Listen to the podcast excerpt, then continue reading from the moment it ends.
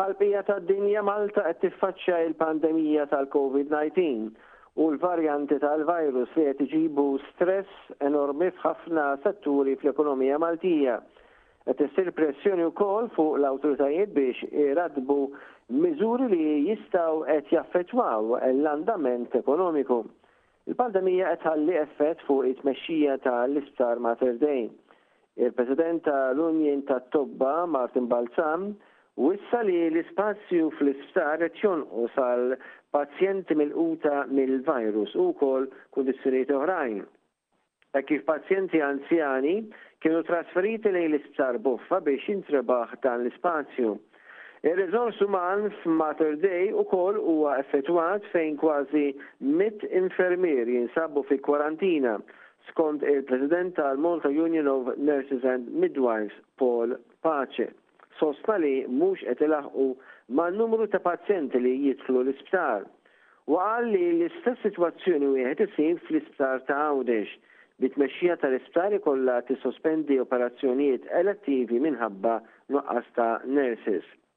Intant, waqt li kien qed jitkellem f'ċentru ta' vaċċinazzjoni fl-Università ta' Malta, Il-Ministru għas-Saħħa Chris Fearne ħabbar li persuni li jittestjaw pożittivi għal Covid 19 issa se joqogħdu għal kwarantina ta' għaxart ijiem biss, basta li jkunu ħadu l-booster u ma kellhomx sintomi għal tlett ijiem.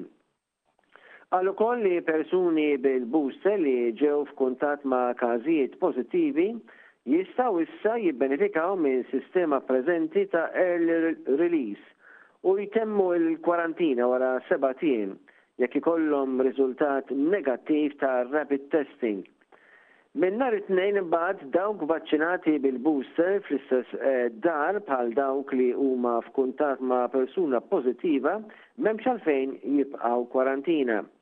Ħabbar ukoll il-Ministru li ċ-ċentri ta' vaċċinazzjoni se jiżdiedu minn seba' għal 24 ċentru. Il-ġurnal Times of Malta qed jirrapporta li bejn 20,000 u 30,000 jinsabu fi kwarantina. Il-President tal-Malta Hotels and Restaurants Association, Tony Zahra, sostna li l-istabbilimenti ta' l-ikel qed iħossu nuqqas ta' ħaddiema u s-sitwazzjoni qed teħżin minħabba n-numru ta' staff ta' ristoranti fuq kwarantina. Il-Kamra tal-Kummerċ ukoll sostniet li l-ħtieġa ta' erbatax-il jum ta' kwarantina mhux sostenibbli għall-ekonomija lokali u għalhekk talbet iżolament ta' għaxart ijiem u sebat ijiem ta' kwarantina għal dawk vaċċinati li jkollhom kuntatt ma' persuna pożittiva.